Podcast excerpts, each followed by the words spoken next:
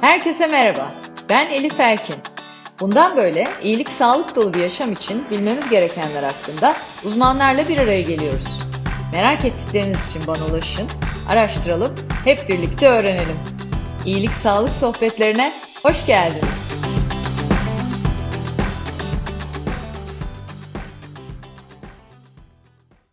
İyilik Sağlık Sohbetlerinin yeni bölümüyle karşınızdayım. Bu bölümde konuğum ortopedi ve travmatoloji el cerrahisi uzmanı Profesör Doktor Arel Gereli. Hocam öncelikle davetimi kabul ettiğiniz için teşekkür ederim. Hoş geldiniz. Hoş bulduk. Ben teşekkür ederim. Ee, sorulara geçmeden önce sizi kısaca dinleyicilerimize anlatmak isterim.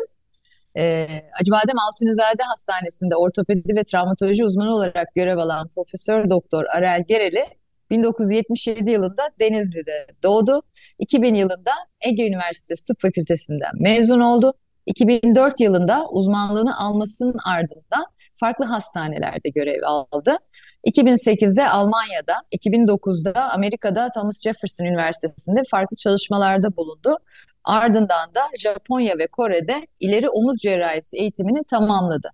Kendi alanında yüzden fazla yayın, kitap bölümü ve sözlü bildirisi bulunan Arel Geleli en iyi klinik çalışma dalında da iki ödüle sahip hocam. E, tebrik ediyorum. E, Teşekkür ederim. E, sizle daha önce konuşmamızda bir şey söylemiştiniz. Hani burada e, tıpta biz e, görüyoruz ki gerçekten teknoloji çok hızlı ilerliyor. Dolayısıyla uzmanlaşma da çok hızlı ilerliyor. Son 20 yılda 200 yıllık teknolojik gelişme olduğundan da söz ediliyor. Ve artık e, hekimlerimiz vücudun belli alanlarına tamamen odaklı bir şekilde e, çalıştıkları için o alandaki deneyimlerini de e, süratle arttırıyorlar. Bu da bizler için e, hasta olduğumuz zaman inşallah olmayalım. Ama bugün sadece hastalıkla konuşmayacağız. Bazı şeyleri önlememiz gerektiği, bilgi almamız gerektiği zaman büyük bir avantaj yaratıyor. Siz de çok odaklı çalışan e, hekimlerdensiniz. Hani belki önce bir e, bu alana nasıl odaklandınız, nasıl seçtiniz? Onunla başlayabiliriz. Tabii ben e, dediğiniz gibi 2006 senesinden beri sadece el, kol ve omuz cerrahisiyle uğraşıyorum. Yani kürek kemiğinden parmak ucuna kadar olan bölge tek bir ünite aslında bu. E, dolayısıyla bunu birbirinden ayırmak çok zor. Dolayısıyla buradaki problemler birbiriyle ilişkili. Nasıl eli ön koldan, ön kolu dirsekten, dirseği omuzdan farklı düşünemeyiz.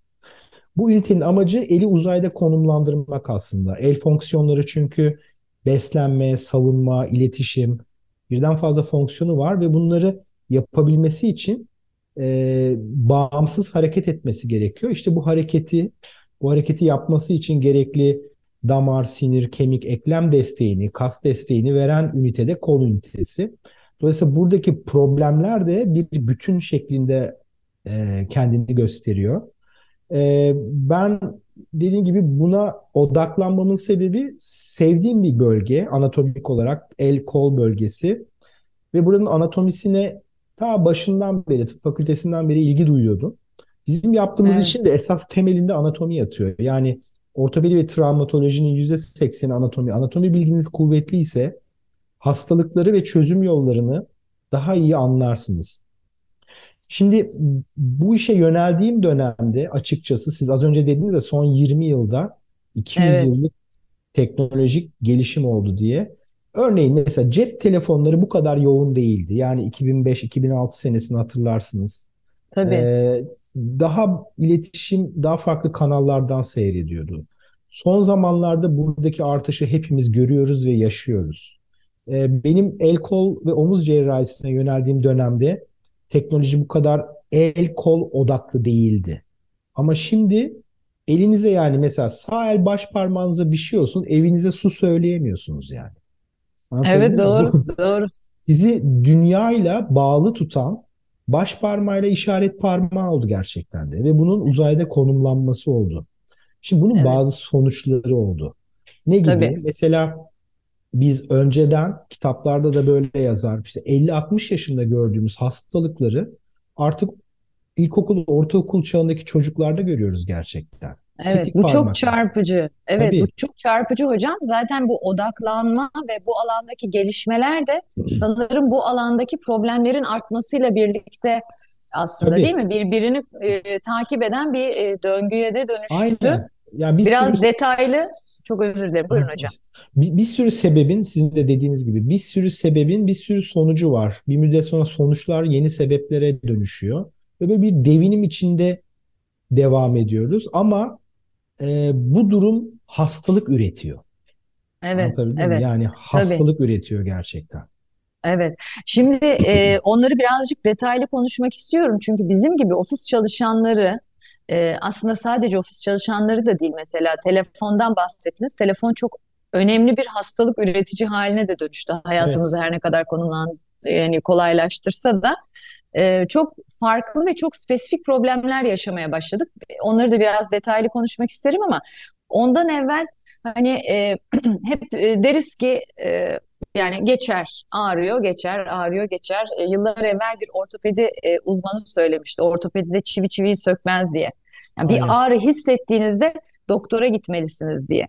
Şimdi biz hep ağrıyı artık dayanamıyorum noktasına geldi, gelecek kadar hissettiğimizde gidiyoruz. Maalesef ki bugün baktığımızda e, doktora hep bir nedense ağrı hissettiğimiz bölge, özellikle ortopedik ağrılarda geçer diye düşünüyoruz ama bazen de e, geç kalıyor. Her konuda er- erken tanı çok e, önemseniyor ve e, o alanda farkındalık yaratılmaya çalışılıyor ama bu alanda sanki e, çok e, geri plana atıyoruz. Hani e, sizce ortopedi e, hekimine başvurmak için bizim ne kadar ağrı çekiyor olmamız lazım?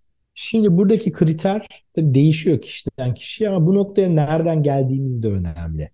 Şimdi dedim ya el, kol ve omuz özellikle ofis çalışanlarında başta olmak üzere yoğun bilgisayar kullanımı, günlük hayatta yoğun telefon kullanımı bunlar birinci basamakta mekanik sorunlara yol açar. Yani aşırı kullanıma bağlı. Mesela el bileğiniz ağrır. Efendim işte baş parmağınız ağrır, dirsek ağrıyabilir, omuz üzerine yatarsınız ağrır. Vücut bunları tolere eder, temizler, iyileştirir. Yani gün içinde sizi zorlarsınız. Gece uykuya daldığınızda o çalışmaya devam eder ve sizi tedavi eder. Çünkü iyileşme yanıtı olduğu anda, problem olduğu anda başlayan bir yanıt. Bizdeki bu aşırı teknolojik kullanımına bağlı sorunların altında yatan esas problem tekrarlayan mikro travma. Yani kumaş gibi düşünelim kendimizi. Mesela Evet, alıp bunu böyle birden yırtabilirsiniz ya da küçük küçük çekiştirirsiniz yıllarca. İkincisi daha kötü yırtılır. Eskir yani kumaş. Bizimki de evet, öyle. Gün içerisinde sizin telefonla olan irtibatınız, günlük hayat akışınız. Unutmayın ki biz telefon, klavye falan diyoruz da esasen bize gi, gi- pantolonumuzu çektiren, dişimizi fırçalattıran, saçımızı toplatan şey de bu el kol. Yani zaten tabii, aktif çalışıyor. Yani üzerine besleten, üzerine bütün bunlar bindiği zaman bardak taşıyor. Ve birinci evrede vücut bu mekanik problemleri çözebiliyor. Yani siz gün içinde küçük küçük yırtıyorsunuz. Vücut akşama onarıyor onu.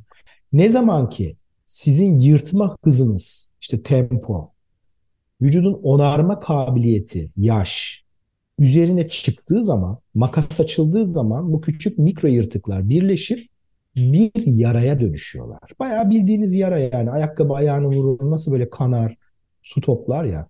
Aynısı. Bütün kol ünitesinin içerisinde var olan dokuların her birinin kendine ait yarası olabiliyor. Bu yara hangi dokuyu tuttuysa o dokunun karakterine göre şekilleniyor. Mesela kıkırdak yarası eklemi ilgilendiren ayrı bir klinik. Tendon, kas yarası ayrı bir klinik. farklı. Tabii sinir ayrı bir şey, kapsül ayrı bir şey. Yani bu hani el kol omuz diyoruz da içinde kompozit doku bu. Tabii, Tendon var, kas var, sinir var, kemik, eklem, bir sürü şey var, bağlar var. Her biri ayrı damarlar. zedeleniyor. Aynen. Her biri ayrı zedeleniyor bunların ve bir yaraya dönüşüyor. Ama bunun ortak sonucu ağrı. Bu Evet, yara kıkırdaktan da gelse, kemikten de gelse, bağdan da gelse ağrıyla sonuçlanıyor. Vücut çözebildiği zaman bu ağrıyı ortadan kaldırıyor. Ama çözemediği zaman bu ağrı gece sizi uyandırır. Anlatabildim mi? Yani tabii. gece ağrıyla uyanıyorsanız o zaman bir problem var demektir. Vücut size diyor ki Ben bu işi çözemiyorum. Kalk sen bunu bir doktora göster. Evet, evet. Güzel, güzel bir e, uyarı aslında Aynen. bu Şimdi söylediğiniz. ağrı Çünkü bunun üstüne de uyuduğumuz, devam etmeye dersen e, çalıştığımız aynen. geceler oluyor. Burada o sinyali almamız lazım. Şimdi burada önemli bir nokta var. Ağrı bizi bizden koruyan bir refleks. Anlatabiliyor muyum? Ağrıyı takip evet. etmek lazım. Çivi çiviyi sökmez dediğimiz şey bu. Yani evet. ben ağrımın üstünde gidiyorum, onu yok edeceğim böyle bir şey yok ki.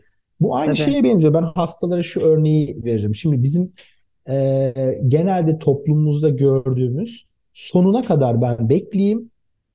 Artık böyle hani yapamaz duruma geldiğimde bir doktora gösteririm. Şimdi bu mantalite şuna benziyor. Mesela arabayla gidiyorsunuz. Tak sarı ışık yandı. Lastik göstergesi. Şimdi ne yaparsın? Hemen bir lastikçiye götürüyorsun değil mi arabanı? Tabii. Ama hani bu kafayla bakarsak araba gidiyor sonuçta. Araba evet. gitmeye devam ediyor. Böyle sesler gelmeye başladı. Sarı ışık yanıyor. Ama araba gidiyor. Araba gidemez duruma geldiğinde inip baktığında ne görürsün? Tabii ne o zaman je... ha, hepsi değiş. Kalmış. Hepsi gitmiş. Halbuki sen ışık yandığında onu lastikçiye götürsen alt takımı değiştirmek zorunda kalmazdın yani. Bizim Tabii. işte aynen böyle. Ağrı demek sarı ışık yandı demek. Evet. mi? O ışığı yani, gördüğümüz an gitmemiz lazım. Hele bir de gece uyandırıyorsa, geçmiyorsa bunu bekletmemek lazım. Çünkü vücut artık bu işi çözemeyecek ve hani olay daha da yardım kötü, istiyor. Aynen kötüye gidecek demektir o. Evet, evet. Zaten muazzam bir e, zeka var içeride yani. Hı-hı, Doğal zeka aynen. var. Bir Gerçekten. Var. Bizden Bizden bağımsız mi? çalışıyor. Evet. Aynen. Ve e, bütün işaretleri veriyor aslında. Hı hı. Şimdi de, az önce biraz değinmeye başladık. Pandemiyle birlikte şimdi hayatımıza evden çalışma modeli girdi. Hani e, tamamen evlere kapandık.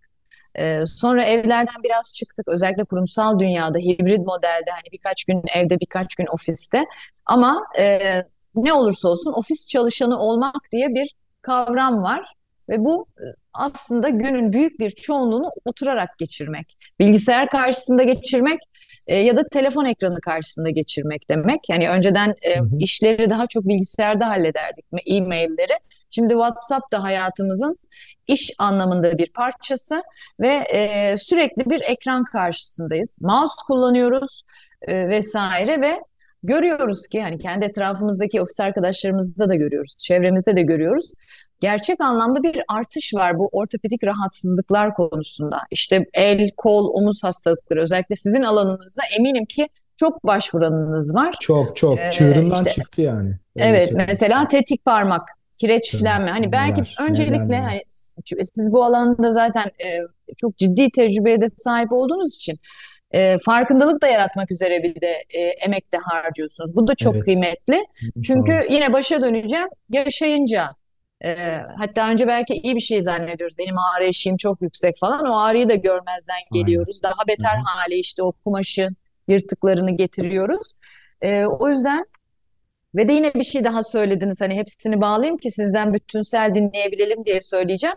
Şimdi ben ofis çalışanları diye başladım ama artık çocuklarımızda da görüyoruz. Çünkü çocuklarımız da aynı pandemi sürecinde eve kapandı, Aynen. bilgisayar karşısında, telefonun karşısında e, laptopundan kalkıyor, e, yatağına uzanıyor. Bu sefer e, boyun eğik, telefona bakarak geçirdiği saatler oluyor. Hepimizi ciddi etkileyen bir durum oldu. Tabii ki yaşam kalitemizi de ciddi etkileyen, duruşlarımızı da etkileyen, çok fazla omuzlar evet. içeride duran, evet. kambur duran e, insan da var etrafımızda. E, sağlıklı yaş almamızı da işte az önce de söylediniz, yaşlanıyoruz da etkileyen bir konu. Hani bunu birazcık detaylandıralım mı hocam? Bir kere ne tip hastalıklar başımıza geliyor? E, ofis hastalığı diye bir kavram var. Hani siz de bu kavramı yaratıyorsunuz ve farkındalık da yaratıyorsunuz. E, neler yapmalıyız? Hani ne hastalıklar var? Önleyebilir miyiz bunları? Önlemek için neler yapmalıyız? Hani birazcık onlardan bahsedelim. Tabii, tabii. Merakla dinlediğine eminim tamam. e, dinleyicilerimizin. Şimdi şöyle, e, ben demiştim yani omuz, kol, el cerrahisi hastalıklarına yöneldiğimde yıllar içerisinde şunu gördüm. Şimdi mesela sporculara acayip ihtimam gösteriliyor. Kendi fizyoterapistleri var, kendi doktorları var, spor cerrahisi falan var. Yani ama baktığında hani kaç kişilik bir gruptur bu? Yani Türkiye için baksan az. 100 bin kişi diyelim. Tamam mı? Türkiye'de kayıtlı 7 milyon ofis çalışanı varmış. 7 milyon. Yani Tabii. Bu hani benim geçmiş senelerde edindiğim bir bilgiydi. Eminim çok daha artmıştır bu. Artmıştır. Ve benim Kesin. hani poliklinik yaparken gerçekten de hasta profilimin, portföyünün çoğunu masa başı çalışanlar oluşturmaya başladı. Ben sadece el, kol ve omuz cerrahisi polikliniği yapıyorum. Hiç ben diz, kalça, omurga bakmam yani. Sadece bu Evet. hastalarla ilgilenirim ve bir müddet sonra hasta profilim rafine olduğunda ben baktım ki neredeyse yüzde seksen ofis çalışanı benim hastalarım. Hani kırıklar, çıkıklar, kesikler dışında. Evet. Şimdi ama bu insanlara özel olarak ilgi gösteren, onların dertlerini dinleyen, onlar için çözüm üretmeye çalışan hiçbir şey yok. Yani hiç kimse yok. Belki Türkiye'de bahsettiğim rakam dünyayla çünkü dünya da böyle. Hani sadece Türkiye özgü bir problem değil bu. Dünyanın her yerinde milyarlarca insan tabiri caizse bilgisayar başında çürüyor yani her gün. Ah Anlatabildim hocam mi? ah. Evet. Yani bir bakın Anlamaz mıyım? işi gerçekten öyle ve yani işin kötü tarafı bunu olmak zorunda değilsiniz. Bunlar önlenebilir problemler. Anlatabildim mi? Yani Tabii. zaman içerisinde yerleşen sorunlar. O yüzden ben gördüm bunda böyle bir defekt olduğunu ve ofis hastalıkları farkındalık haftası başlattım. 2017'den beri, evet 2016'da galiba başladık. Amacımız her Eylül ayının son haftası ofis hastalıklarını duyurmak, nelerle karşılaşabileceğini insanların bildirmek, farkındalık yaratmak, var olan sorunları tespit etmek ve önlemek. Çünkü önlenebilecek bir şey. Hani pandemi dediniz ya, o dönemde Evet. 2019, 2020, 21 döneminde bu ofis hastalıkları farkındalık haftası resmen pandemi mağdurları haftasına dönüştü yani.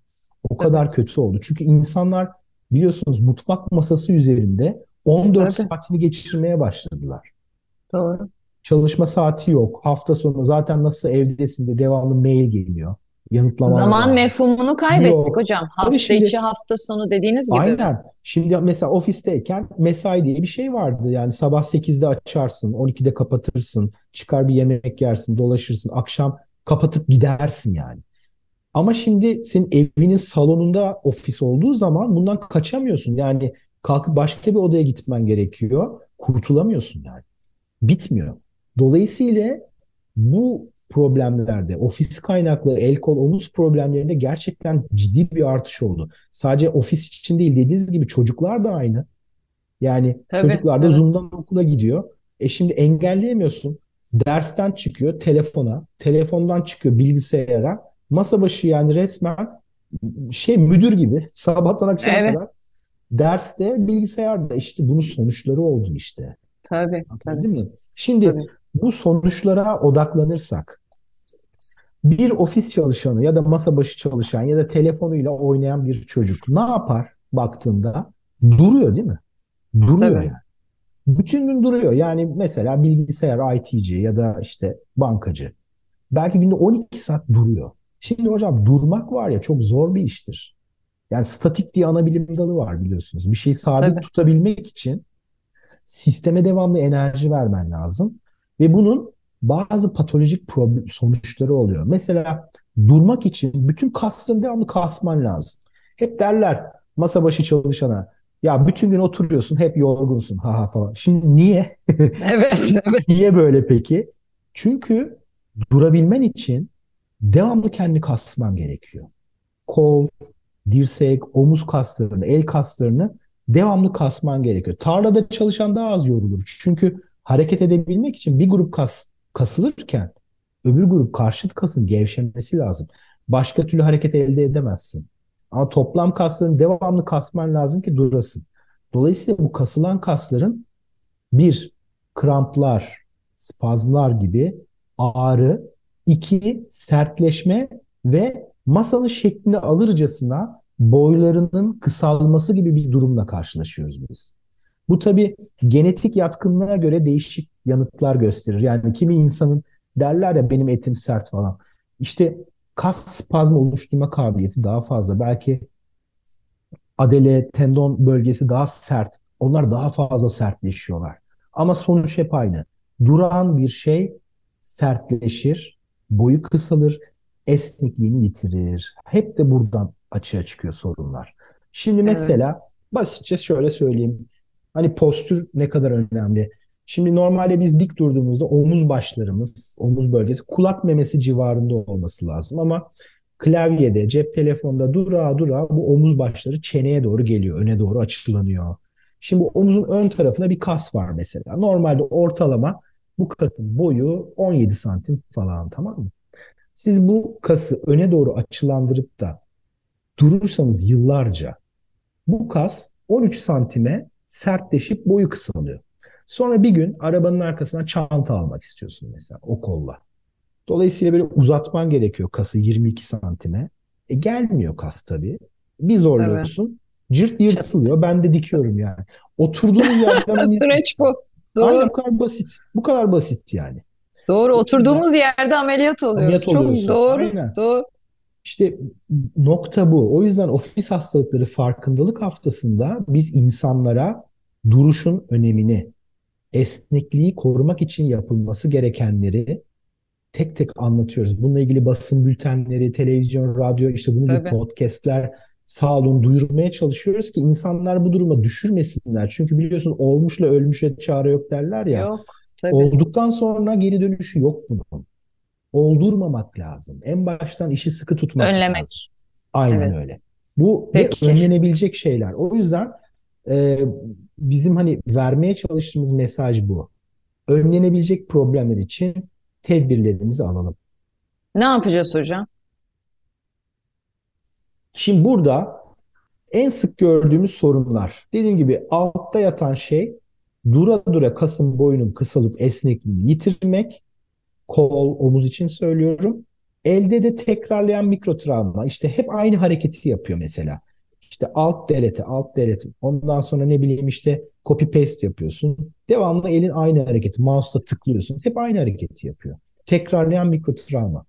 Şimdi burada etkilenen dokulara göre bazı hastalıklar kaçınılmaz. Buna hatta şimdi mezenkimal sendrom deniyor. Bu paket program gibi. Ben hep hastalara söylerim. Emeklilik paketin yani bu senin. Kaçışın Ay yok.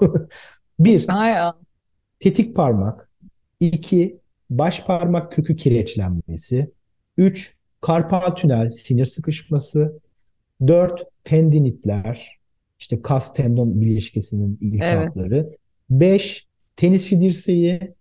6 dirsek bölgesinde sinir sıkışmaları, 7 omuzda kas yırtıkları. Şimdi bunlar başladı mı böyle hani tren gibi tek tek bütün vagonlar perona girmeye başlıyor. Sadece zaman meselesi.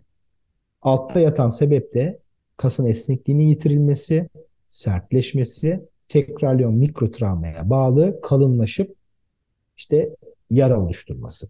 Şimdi o zaman biz ne yapacağız? Tekrarlayan mikrotravmayı ve esnekliği kaybettiğimiz durumları azaltacağız. Yani bu kadar basit. Tabii. Nedir o? Mesela 40 dakika çalışıyorsanız bir 5-6 dakika kendinizi kapatacaksınız yani. Elektriğini keseceksin kolun. Boş bırakacaksın. Öyle duracak yani. Ki nasıl çok yol yürüyünce şöyle bir oturup dinleniyorsun değil mi? Aynı. Tabii. Kollar da aynı kas yapısına sahip dinlendirmek gerekiyor. Unutmayın ki bak ofis çalışanın düştüğü en büyük hatalardan biri hocam. Şimdi ben elimden, kolumdan, omzumdan ağrı çekiyorum. Demek ki zayıf, güçsüz, yetersiz. Gideyim ben bunu güçlendireyim, daha çok mesaj atayım. Şimdi böyle bir şey yok ki.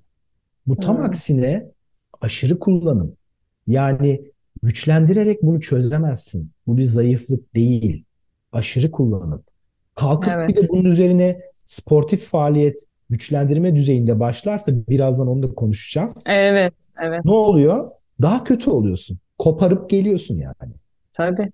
O yüzden Tabii. tam aksine dur, durmak gerekiyor. Yani 40 dakikada bir 5-6 dakika boş böyle durmak lazım. Bu bir. iki ergonomi dediğimiz şeyi kullanmamız lazım. Ne demek o? Evvela kendi postürümüzü net bir şekilde dizayn edeceğiz. Yani dik, onda da slogan şuydu. Birkaç yıl önceki ofis hastalıkları farkındalık haftasının. Dik omuzlar geri. Tamam mı? Dik omuzlar geri. Bu şekilde durduğumuzda etrafımızdaki ekran, klavye, mouse bunları bizim gözümüze, başımızın pozisyonuna uyacak yükseklikte konumlandırmamız gerekiyor. Bizim onlara adapte olmamız değil, onları kendimize adapte etmemiz gerekiyor. Normal anatomik duruşumuzu belirleyip dik omuzlar geri, baş dik, göz hangi seviyedeyse ekran orada duracak mesela. Klavyeye uzanmak zorunda kalmayacaksın. Klavyeyi kendine yaklaştıracaksın. Kolları evet. bir yere dayamak lazım. Ama dayadığın yer sert olmamalı. İçinden geçen sinirleri eziyor çünkü. Çünkü saatlerce orada duruyorsun. Anlatabildim mi? Yıllarca duracaksın. Öyle olunca bunlar hastalığa evriliyor. Bunun gibi küçük tekniklerle var olan problemi engellemek, olanı da azaltmak, arttırmamak mümkün, mümkün. oluyor. Evet, evet. Çok çok önemli gerçekten. Hani az önce söylediğiniz şey çok çarpıcı. Ee, iki şey de öyle. Birincisi oturduğumuz yerden ameliyat oluyoruz. Tam anlamıyla öyle. Yıllar içinde kendimizi o duruma sokuyoruz. Herhangi bir travma Aynen. yaşamasak da bir kaza, kırık, evet, evet, yaşamazsak evet. da üstelik. Ee, diğeri de bu bizim emeklilik paketimiz olmamalı. Ee, aynı hataya ben de düşüyorum. Kendimde fark ediyorum ve hep hani omuzlar geri diyorum. Ee, tabii ki bu oturuşumuza, günü nasıl geçirdiğimize dikkat etmemiz gerektiği gibi bir de mutlaka hayatımıza hareket katmalıyız değil mi? Yani Kesinlikle. sporu nasıl e, yapabiliyorsak e, yapalım mutlaka katmalıyız. Burada da yine e, şunu çok yaşıyoruz ve gözlemliyoruz etrafımızda. Hani nasıl ki ağrıya dayanıyoruz, dayanıyoruz, dayanamayacak noktaya geldiğimizde hekime gidiyoruzun yanlış olduğu gibi e, spor konusunda da Kilo aldım, e, göbeğim çıktı ya da yaz geliyor, dur bakayım bir kendime dikkat edeyim, biraz kilo vereyim diyerek genelde spora başlıyoruz. Yani ben şeye çok özeniyorum ve ben bile bunu herhalde 40 yaşımdan sonra e, ya da yani hayatım boyunca hep spor yaptım dönemsel. Ama sanırım artık e, hani belki de 35'ten sonra gerçekten spor hayatımın parçası diyebilecek seviyeye getirdim. Ama yurt dışına baktığımızda insanlar her sabah illaki o yürüyüşünü yapıyor. Seyahate gitse dahi spor ayakkabıları hep çantada bir şekilde hareket e, ediyor. Maalesef ki bunu tam oturtamadık. Belki şimdiden çocuklarımıza da bu kültürü aşılamamız lazım ki onlar da bunu vazgeçilmez bir ihtiyaç olarak görebilsin. Evet. E, biz ama daha dediğim gibi geç başlıyoruz. İşte e, rejim odaklı başlıyoruz. Ne bileyim kilo vermek için vesaire. Şimdi oturarak hasta olmamak için duruşumuz kadar bu yaptığımız spor da önemli ama şunu da görüyoruz az önce de söylediniz işte el kaslarım zayıf, kollarım şöyle vesaire diye daha dur güçlendireyim diye de spora başlıyoruz bazen. Bir anda yükleniyoruz ve bu sefer de başka türlü sıkıntılar oluyor. Yani aslında belki de bilmiyorum hani nasıl yönlendirirsiniz. Spora başlamadan evvel de bir önce bir genel bir check-up'tan geçip eğer varsa bir hazırda başlamış olan problem onları ortaya çıkarıp sonrasında mı başlamak daha doğru olur? Hani ofis çalışanları nasıl spor yapmalı, neye dikkat etmeli ya da genel olarak hepimiz için tabii ama biraz daha bu alanı özellikle konuştuk diye ee, bir de onu sormak istedim hocam. Tabii çok iyi bir nokta. Şimdi biz bu seneki pardon 2023 2022 ofis hastalıkları farkındalık haftasının ana gündemi buydu. Ofis çalışanı spor yaparken kendini sakatlama. Çünkü çok görüyoruz gerçekten. Burada bazı küçük noktalar var. Bunlara dikkat etmemiz lazım. Eğer bunları kaçırırsak çünkü ciddi problemler olarak karşımıza dönüyor. Şimdi demiştik ki ofis çalışanı, masa başı çalışan durduğu için bütün problemler açığa çıkıyor. O zaman biz hareketi hayatımızın içine sokmalıyız. Yani her yere arabayla gitmek, ne bileyim işte ım, hareketsiz durmak, kalkıp gitmeye üşenmek falan bunlar bizi yavaş yavaş sertleştirir. Hareketsizlikten dolayı da hastalıklara davetiye çıkarır. O yüzden yürümeyi tercih edelim. Yani hareketi hayatımızın içine sokmamız lazım. Hani merdiven inip çıkmak bazen dizlere gerçekten zarar verebiliyor ama düz yolda yürümenin hiçbir sakıncası yok. Gideceğiniz yere illa arabayla gitmek zorunda değilsiniz. Ya da kısa mesafe ise bir şeye binmek zorunda değilsin. Yürü. Yürüdükçe bütün kaslarımız dengeli bir şekilde hareket edeceği için hem içindeki laktik asitin dolaşımına atılması hem esnekliğinin muhafazası bize ağrısız, daha adapte olabilen, daha sağlıklı kaslar olarak geri dönecektir. O yüzden yürüyüş gerçekten önemli. Eğer bunu bir sportif faaliyet olarak yapıyorsak, yürüyüşün yanına hafif tempo koşu ekleyebiliriz. Yarım saat 40 dakika çok değil. Dolaşımı arttırır, kasları gevşetir, sizi daha rahat hissettirir. Bunu hayatınız içine sokun. Şimdi bu seneki dedim ya e, ofis hastalıkları farkındalık haftasında bununla ilgili basın bülteni de çıkarttık. E, burada beş tane önemli nokta var toplayabileceğimiz. Az önce de söyledim. Bir, öncelikle güçlendirme değil esneklik hedeflememiz lazım. Bizim ofiste çalışan insanlarda gördüğümüz ağrılı el kol omuz problemlerinin altyapısında aşırı kullanım, tekrarlayan travma ve buna bağlı kas spazmları var. Bir zayıflık yok yani. Yani kalkıp dumbbell'da 50 kilo çalışarak ya da ne bileyim işte 20 kilo kanat çalışarak bunu çözemezsin. Tam aksine bu kasın esnemesi, yumuşaması gerekiyor. O yüzden ağırlık yerine pilates gibi, açma germe gibi, tempolu yürüyüş, hafif tempo koşu, jogging gibi sporlara ağırlık vermesi gerekiyor ofis çalışanının. Ha, illa bir ağırlık yapacaksa ya da bir direnç egzersiz yapacaksa da 100 birim diyelim spor yapıyorsa 70 birimi esneklik, ısınma, 30 birimi direnç, ağırlık olması gerekiyor. Bu tam tersine dönerse yani ben ısınmayı, esnemeyi azaltayım, daha ziyade böyle güçlendirici, direnç egzersizlerine direkt dalayım derseniz bunun yırtıkla sonuçlanması kuvvetle muhtemeldir. Evet. O yüzden kasları hep Evet, pardon hocam. O yüzden bunları dediğiniz gibi kasları yumuşak tutmak gerekiyor. İki, ısınma. Şimdi ofis çalışanının klasik hatası. İşten 6'da çıkıyorum. Saat 7'de spor var. Salona yetişeceğim. Oradan işte 8'de eve gideceğim. Yemek hazırlayacağım. Daha çok iş var. Koşa koşa salona giriyor. Direkt makineye.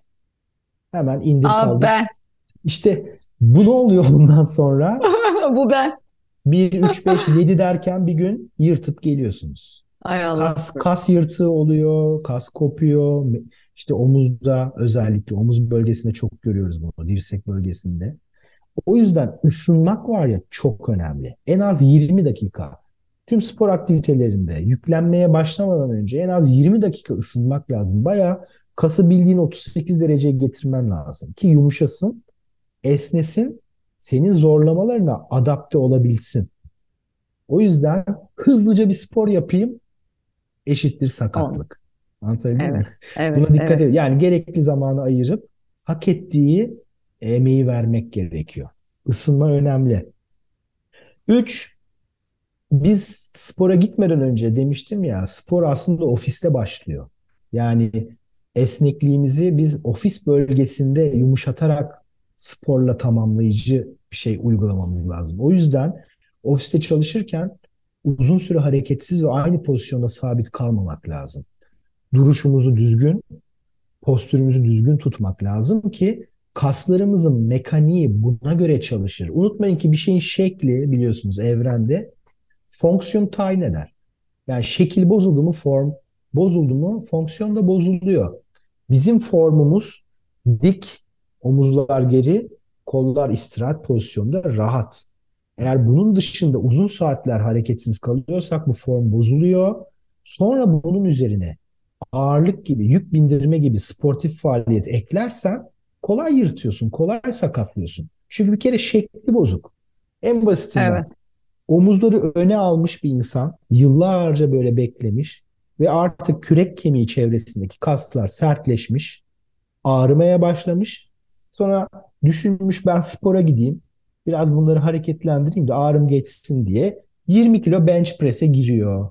Ama kürek kemikleri, omuzlar sert ve öne doğru açılı. Şimdi bunun yüklenmeyle oluşan yük dağılımı normal postürdeki bir insana göre çok farklı yerlere anormal yoğunlaşmayla sonuçlanıyor.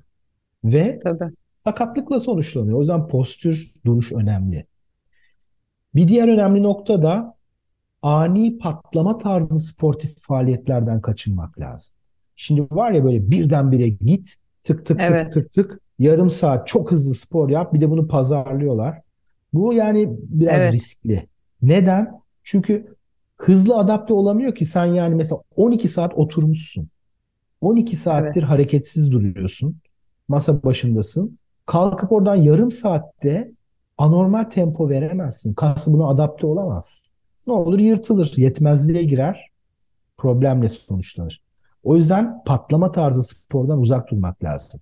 Pilates gibi, esneme gibi, açma germe nefes egzersizi gibi, jogging gibi yumuşak yumuşak dolaşımı ve kasın esnekliğini arttırıcı sporları hedeflemek gerekiyor.